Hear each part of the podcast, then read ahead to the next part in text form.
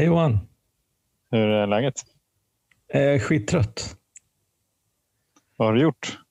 Du som inte ens har småbarn kom vi fram till.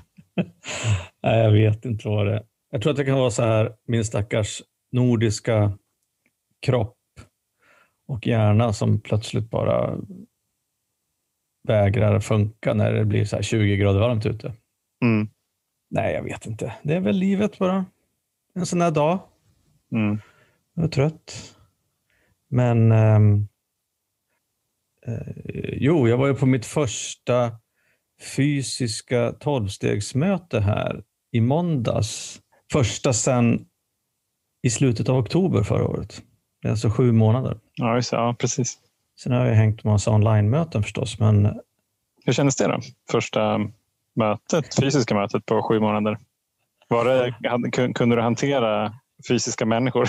Jag säga. Ja, jag kunde hantera fysiska människor. Men det, en, en spännande sak det är att flera av de som gör service i, i den gruppen som, som du och jag har som hemmagrupp har jag, jag aldrig träffat fysiskt Nej, tidigare. De har alltså kortare nykterhet än sju månader.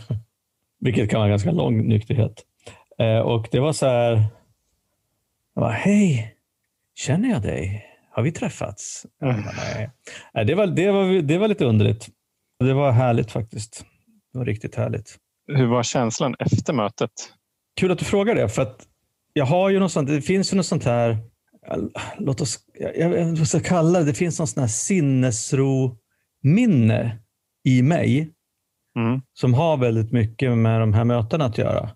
Själva transporten till och från Mm. och hänget liksom före och efter. Som jag inte har haft nu på ja, sju månader.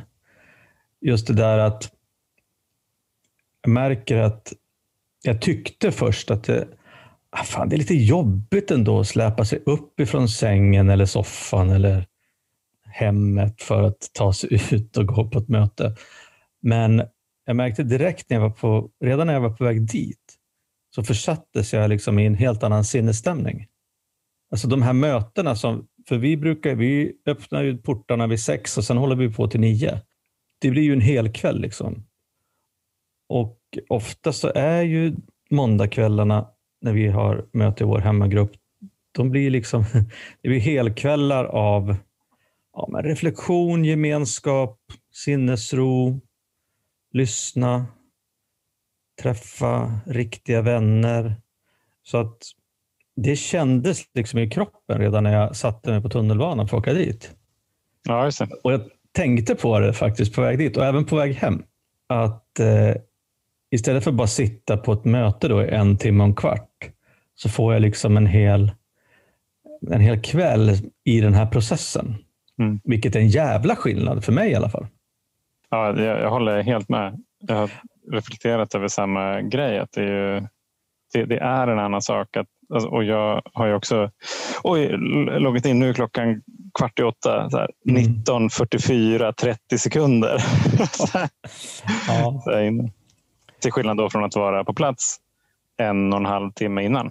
Jag reflekterade också över en annan grej. Att jag direkt när jag kom in i den här möteslokalen som jag är så van att vara i så tog jag så mycket mer plats än jag har gjort på online-möten. För då är det precis som du säger, glidit in, hängt lite grann, sagt hej till några, varit med på mötena och sen sagt hej då och glidit iväg. Liksom. Nej, men det var mycket som skulle fixas. Vi hade ju praktiskt möte och det var det ena och det andra. Det skulle kollas och klippas nykomlingsflyers som jag hade. Det skulle Mm, ut ja. och allt möjligt. Alltså det, det var jävligt skönt faktiskt. Alltså jag tror, alltså för min egen del, jag har liksom svårt att vara disciplinerad också i ett online-möte. Det är lätt att jag, så här, börjar kanske kolla, kolla mobilen eller just det, jag måste kolla någon grej här, men när jag är där på plats, det gör jag ju aldrig. Då är jag där. Så att det finns en helt annan närvaro. Jag håller inte på med någon inom citattecken multitasking, utan det är bara single tasking. Och det gör ju en jäkla skillnad. Men, men det hade ju liksom också för mig gjort skillnad om jag hade varit mer disciplinerad på ett online-möte. Jag har lättare för det när det är fysiskt. Att jag, då vill jag ju vara där och prata med de andra när jag väl får träffa människor fysiskt. Ja, och det var, det var roligt också. Det var väldigt roligt för att efter mötet så kom det fram en kille till mig och, och pratade och berättade att eh, ja, men, han hade någon kommentar om, om, om jag kände harm eller inte. Jag bara, va? Ah, men du hade sagt i något poddavsnitt att, att du jag brukar känna harm på sådana här praktiska möten. Eller vad. Jag bara, jaha. Nej, så han, han, han tackade så mycket för att han berättade att han hade lyssnat på podden och att det var en stor del anledning till att han faktiskt hade kommit, hamnat precis på det där mötet som är vårt möte. Och det är ju fantastiskt. Vad kul. Jag blir nästan generad varje gång jag möter någon i verkligheten som, som pratar om att, att de lyssnar på podden. Jag vet inte varför. Nej, men jag med. Jag tycker fortfarande att det är konstigt. Det blir så här, äh, det är väl inte så, så viktigt eller så speciellt. Men det är det ju. För dig och mig i alla fall. Ja, precis. Exakt. Vi korsade ju en stor milstolpe här i veckan. Ju. Tre år med mm. Alkispodden. Ja. Vad var det första du tänkte på när du tänkte på att vi firar tre år? Jag tänkte att eh, oj, det var lång tid. Alltså att göra någonting under tre år. Men det, är, det, är, det är många som... Eh, alltså mitt, mitt första jobb efter studenten hade jag i två år. Så det här har ju varit 50 procent längre än min första anställningstid. Det, det, innebär också att det är så här, man är i en process som, som kan gå upp och ner. Man kan lära sig liksom olika saker. Jag har fått möjlighet att träffa många olika människor. Det har, alltså våra liv har ju eh, in, kun, hunnit innehålla både toppar och dalar. Eh, men man hinner igenom liksom några, några cykler på tre år.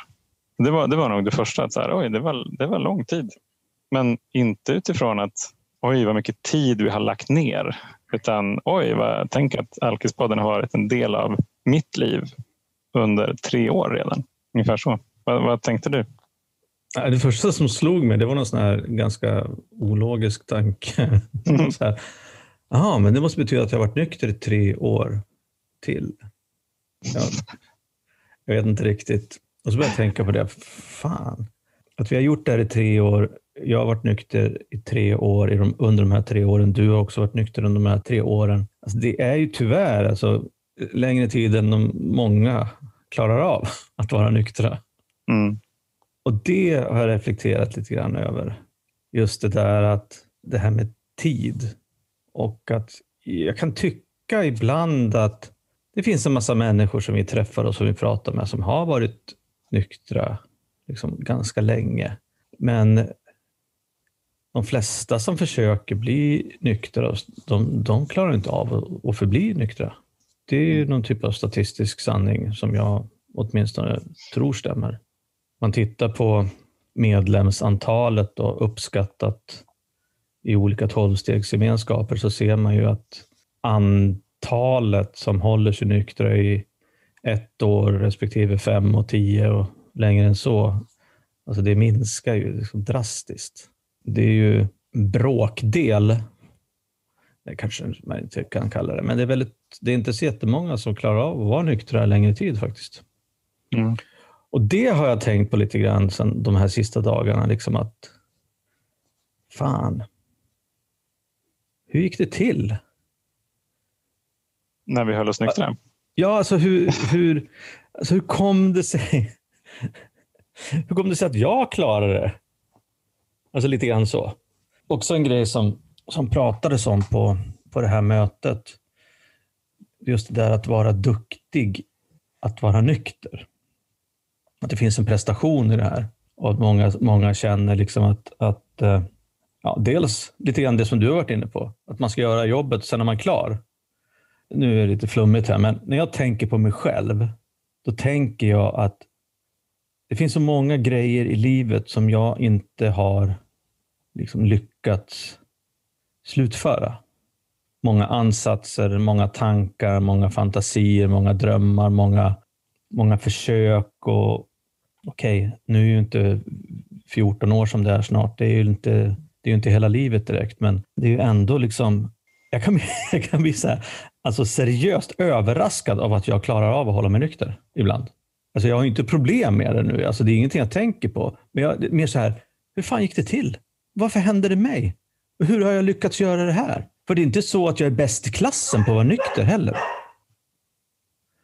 Jag har tänkt på det här med, alltså, att, med prestation och liksom kompetens och skicklighet. Det är inte så att jag, jag tycker inte att jag är, att jag är bäst i klassen. Jag tänker liksom att det är en ganska intressant grej så här, att vara bäst på. Det, det, det finns ju lite olika, finns lite olika vägar liksom, som man kan då vara bäst på. Så här, ja, men här har vi någon som, som banne mig gör sina dagliga rutiner varje dag. Så här, morgon och, och kväll. Går på möten varje dag. Ringer sin sponsor varje dag. Till exempel. Jag skulle aldrig ha tid med det. Nej, för du sätter det viktigaste först. Ja, precis. Och det, och det är ändå tacos, eller vad sa vi? Ja. Nej, det var tacos som räknas. Ja, nej, men precis. Men, um, nej, men det, det beror ju helt på. Alltså, det där är ju verkligen en... Uh, det är inte en prioriteringsfråga. Ja, men det kanske det är. Men det handlar också om någon form av så här, hur designar jag mitt liv? Så, vil, vilka komponenter har jag i livet? Men det är ju en jättestor skillnad om jag har ett jobb till exempel där jag kanske där jag aldrig tar med mig jobbet hem. Eller eh, kanske är ensamstående, bor själv eller jag eh, bor i stan, utanför stan. Och så det, det, finns ju, det finns ju många komponenter liksom i livet som är, som är, som är de här byggstenarna liksom, som ger oss lite olika förutsättningar.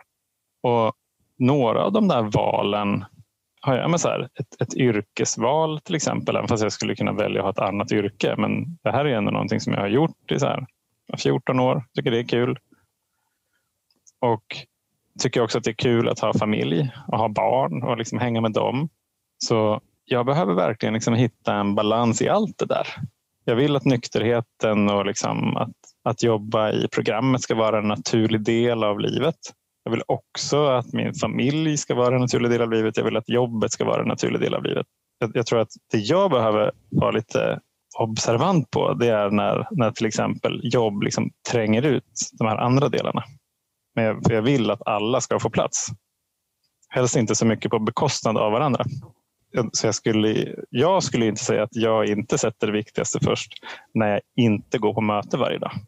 Även fast det liksom kanske finns någon annan som är bättre i klassen än vad jag är. Utan att det handlar snarare om har jag ett nyktert förhållningssätt i mitt liv? Ibland tänker jag så här att jag tycker de flesta människor, utom jag, liksom, har, har gjort, gör liksom analyser av sitt liv och bestämmer sig för liksom hur det ska se ut. Eller eh, funderar väldigt mycket på vad man känner och varför man känner som man gör och varför eh, saker och ting är som de är. Ibland kan jag känna att jag, jag tänker för lite på ett bra sätt. Mm. Du brukar prata om ekvationen livet. Mm. Jag har liksom inte riktigt ens någon ekvation. Alltså jag bara är. ja. Så att, men det, har ju, det, det, får ju till följd till exempel, och det var faktiskt Jenny som påpekade det här nu, att jag börjar prata om ja, men till exempel att jag kanske känner mig trött eller något sånt där. Och så börjar hon lista upp alla åtaganden som jag har. Mm, det är intressant. I, på, med jobb och familj och eh, baseball och eh, tolvstegsgemenskaper hit och dit. jag inser så här att, ja, kanske inte ska säga ja till allting. Men det är så här liksom att, att jag är, jag, vet inte, jag ska inte säga dum, för det är ett dumt ord. Men att jag, jag kan känna mig själv lite så här, men jag, jag, jag är så här, flyttar med, jag kan vara ganska naiv ibland eh, och eh, det tror jag är en nyckel till att jag har lyckats hålla mig nykter. Att jag inte funderar så jävla mycket på varför jag är nykter.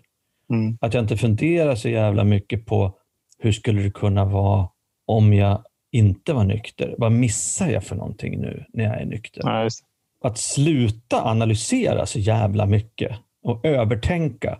Det har ju varit ett av mina stora problem, det här jävla ältandet, eller är väl fortfarande, att jag har ju så lätt liksom för att bygga bygga, bygga problem och eh, eh, scenarios och eh, tänka så här, what, what if mm. eh, planer i huvudet. Men jag har lyckats liksom lyckats eh, på något vis, det är det som är så roligt också, på något vis också alltså minska de där grejerna.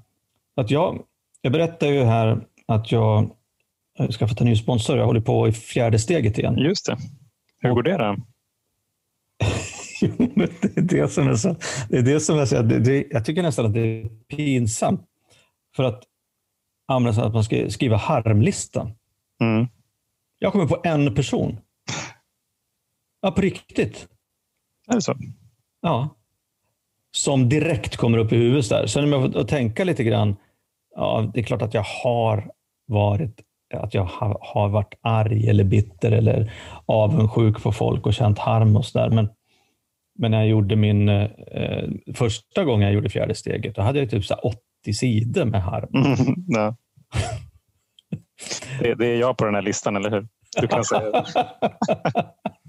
Kul att jag var Nej, men enda. När du säger det så kan jag lägga till dig. ja, exakt. Jag har precis dubblat antalet. Ja, nej, nej men alltså, och det är lite spännande för att eh, enligt den här, eh, den här gången då, så ska jag, ju, ska jag ju göra ett fjärde steg på de grejerna som, eller på, på det som är efter jag lämnade, mitt, eh, lämnade femte steget förra gången. Mm. Det är ju Har du sett bara, bara deltat så att säga? Ja, precis. Och det, är, det är bara fyra år. Då. Och tre av de här fyra åren så har vi jobbat med Alkispodden. Så, att, mm. så att det, det, har väl räddat mig. Och det tänkte jag på också. Det här med, med bäst i klassen och dagliga rutiner det finns, vi har pratat om dagliga rutiner och framförallt det som kanske är då i steg 10 och steg, steg 11. är där om att göra inventering varje dag och be om ursäkt. Det, det gör jag. Och steg 11 kanske, alltså genom bön och meditation, liksom komma närmare eh, Gud eller få en, öka sin andliga spänst. Mm. Det är jag inte så jättebra på. Det är definitivt inte bäst i klassen. Men det slog mig också när vi pratade om det här jag har ju de senaste tre åren fått en annan, en till rutin. Och det är ju Alkispodden. Ja, just det. Det är ju en rutin. Har blivit. Mm. Eh, inte riktigt varje vecka, eh, men nästan. Så det är ju rutin och de här samtalen både med, ja, men mycket, framförallt med dig, det är ju här, det är ju, det är de här snacken som du och jag får dela liksom, och, och spegla varandra. Men även att lyssna och lära sig liksom mycket från de här gästerna vi har haft under de här tre åren. Jag tror det har gjort, utan att liksom låta övermodig, men eh, Alkispodden har ju stärkt mitt skydd eh, mot eh, liksom, alkoholism, att återfalla i alkoholism, både känslomässigt och börja dricka. Mm. Jag är övertygad jag, jag, jag tror definitivt det utifrån säkert flera aspekter, men en som är ganska enkel att ta handlar om accountability. Mm. Ja. liksom, vil, vilka känner jag något visst, liksom, eller vilka skulle hålla mig liksom till svars om jag skulle halka dit? Ja, men det är ju alla lyssnare såklart. Mm. Och som och som också, ja, men det, så här, vi har ju lovat så det finns en förväntan om att vi ska släppa avsnitt på fredagar. Ja, men då, då pratar vi ju varje vecka. Och det, det är precis det där som är det fina med åtaganden. Att jag gör dem ju för, för min egen skull. Så att jag gör saker även fast jag just då kanske inte riktigt vill. För att jag vet att jag egentligen vill det och för att det är bra för mig.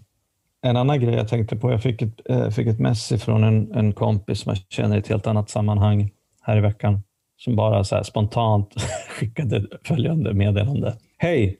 Nu har jag hunnit fram till avsnitt 32 av Alkispodden. Jag börjar inse att jag är nog också alkoholist. Mm.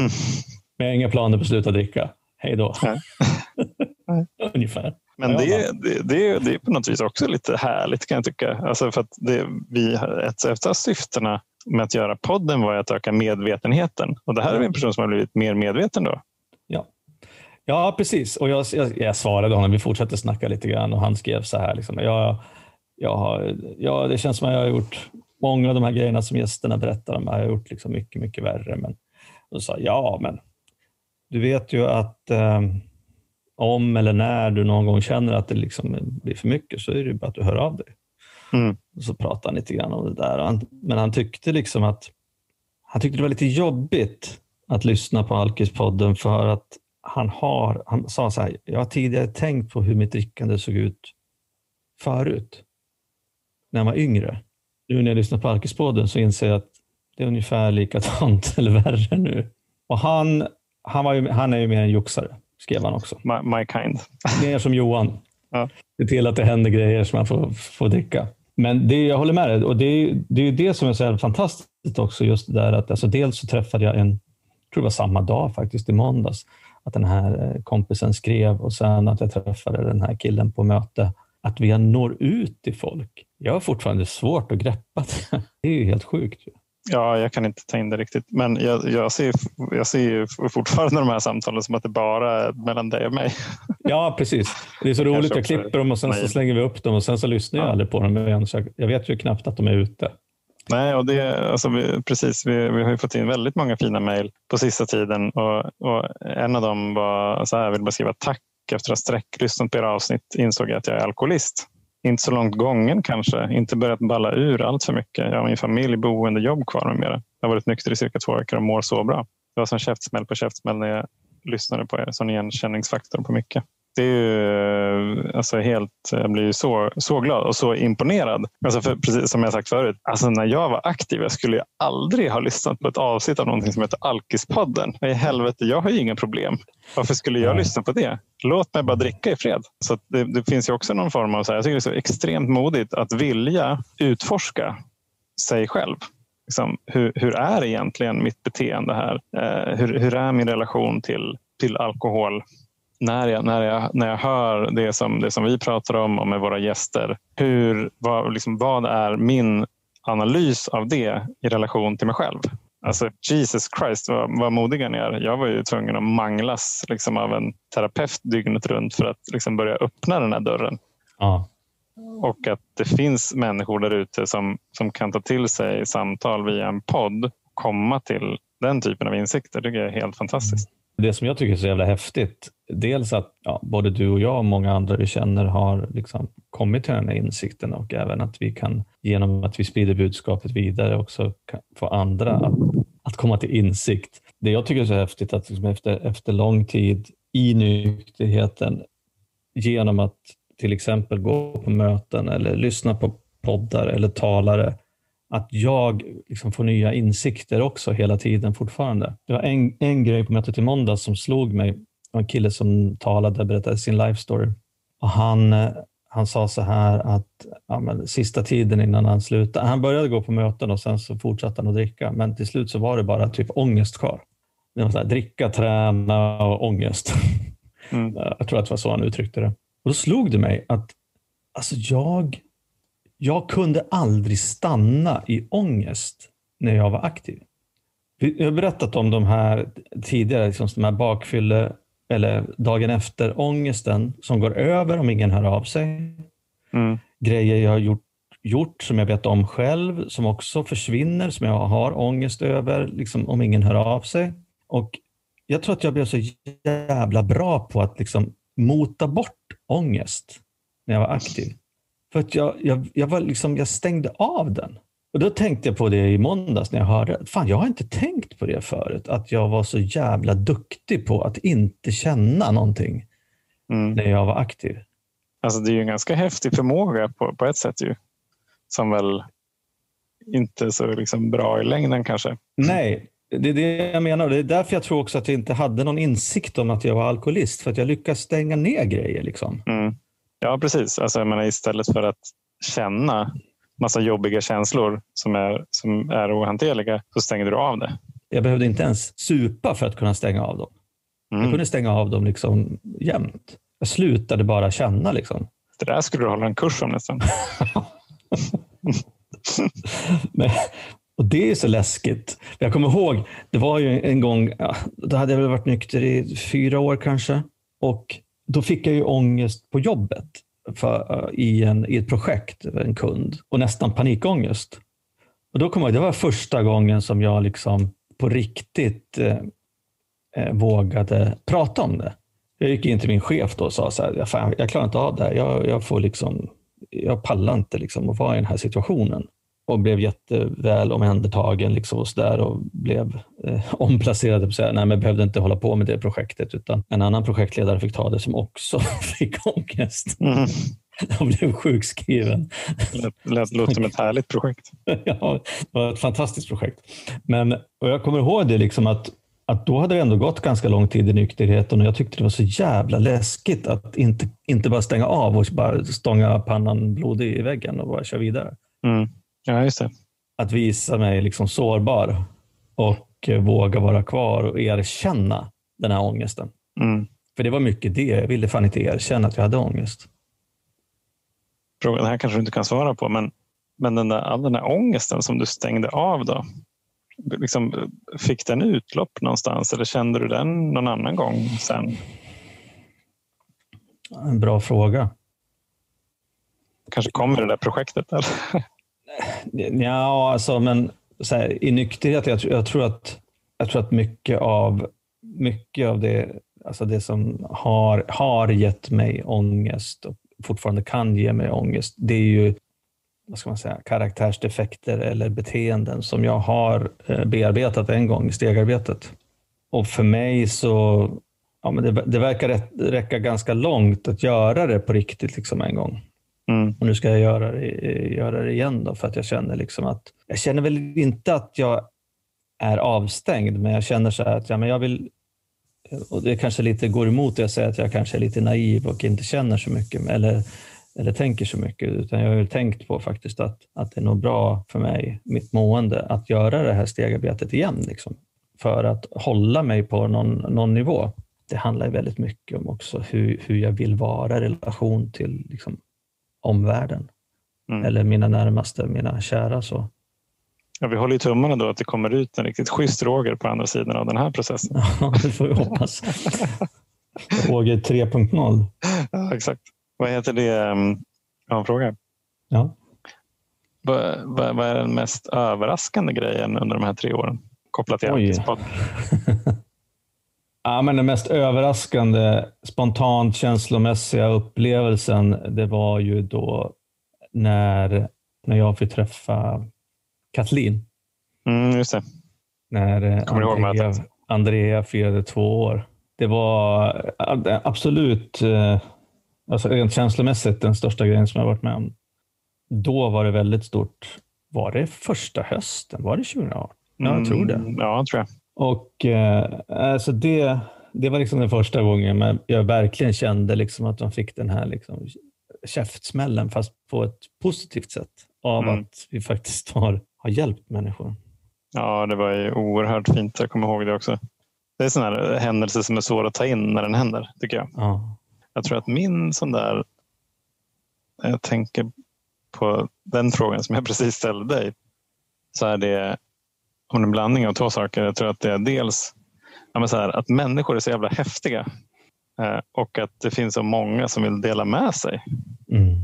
av saker som de har gått igenom som kan vara jobbiga att prata om. Att det ändå, jag menar, vi har ju frågat ganska många under årens lopp om de vill vara gäster i samtalet och det är extremt få som har sagt nej. Eh, och de som har sagt nej har jag tyckt haft väldigt, väldigt goda anledningar till att säga nej. Utan det har liksom alltid varit i princip liksom självklart ställa upp. Det vore jättekul att liksom prata om de här jobbiga sakerna i ett samtal. Och det ger mig ett sånt oerhört hopp för, för, för mig och för oss liksom, som kollektiv. Det är skithäftigt. Och det är ju alltså, jättekul också att det är fler och fler poddar som, som med liksom samtalet som verktyg som lyfter upp beroendeproblematik. Det har du rätt i. Och vem kunde tro det för tre år sedan att vi skulle ha haft liksom 60-talet gäster? Mm, nej, precis. Som, precis som du säger, vill att dela med sig av allting. Och jag satt just och funderade, om vi brukar ju fråga före vi spelar in om det är någonting som gästen inte vill prata om. Jag tror inte att det är någon som har sagt att ah, jag vill inte prata om det här. jag tror att alla bara, nej men nej. Nej, det har varit oerhört eh, häftigt och vi har ju alltså, fortfarande jag säga, flera spännande gäster på väg in och det är eh, många av er som hör av er till oss med tips på gäster. Och eh, fortsätt med det jättegärna. Så eh, tänker jag att vi, vi skapar en bra, bra repertoar här för hösten. Det gör vi. Det här åtagandet, det är väl bara att fortsätta. Ja, vi, kan väl, vi, vi tar väl ett avsnitt i taget. ja, det är sant. Men det har ju blivit en rutin nu. Så att, eh, ja, precis. Det har, blivit, jag tänker så här, det har blivit en rutin som vi båda verkar må bra av i vår nykterhet med tanke på att vi ändå är nyktra eh, tre år efter vi började. Ja. Det som har bidragit väldigt mycket till det, tänker jag, det är också liksom gemenskapen eh, liksom runt Alkispodden på något sätt. Som ju är, ja. som är liksom större än du och jag. Det, eh, ja, det, det ger mig oerhört mycket energi och, och kraft. Tack alla lyssnare. Ja, verkligen. Som orkar engagera sig både i att höra av er men också spendera den här tiden på att lyssna på när en något flummig Roger försöker veckla ut sitt känsloliv i, i en podd. Nej, men det har varit fantastiska tre år, så det är väl bara att köra på. Mm. Ja, nu, nu har vi redan startat fjärde året. Det, det ska vi göra i alla fall. Det är sant. Ja, Underbart. Hörrni, fortsätt att mejla till oss, alkispodden.gmail.com och eh, tack för alla glada tillrop och hejarop och kärlek här på treårsdagen. Tack. Det eh, uppskattas verkligen. Ha en fin helg och ta hand om er. Ja, gör det. Vi hörs. Hej då. Hej då.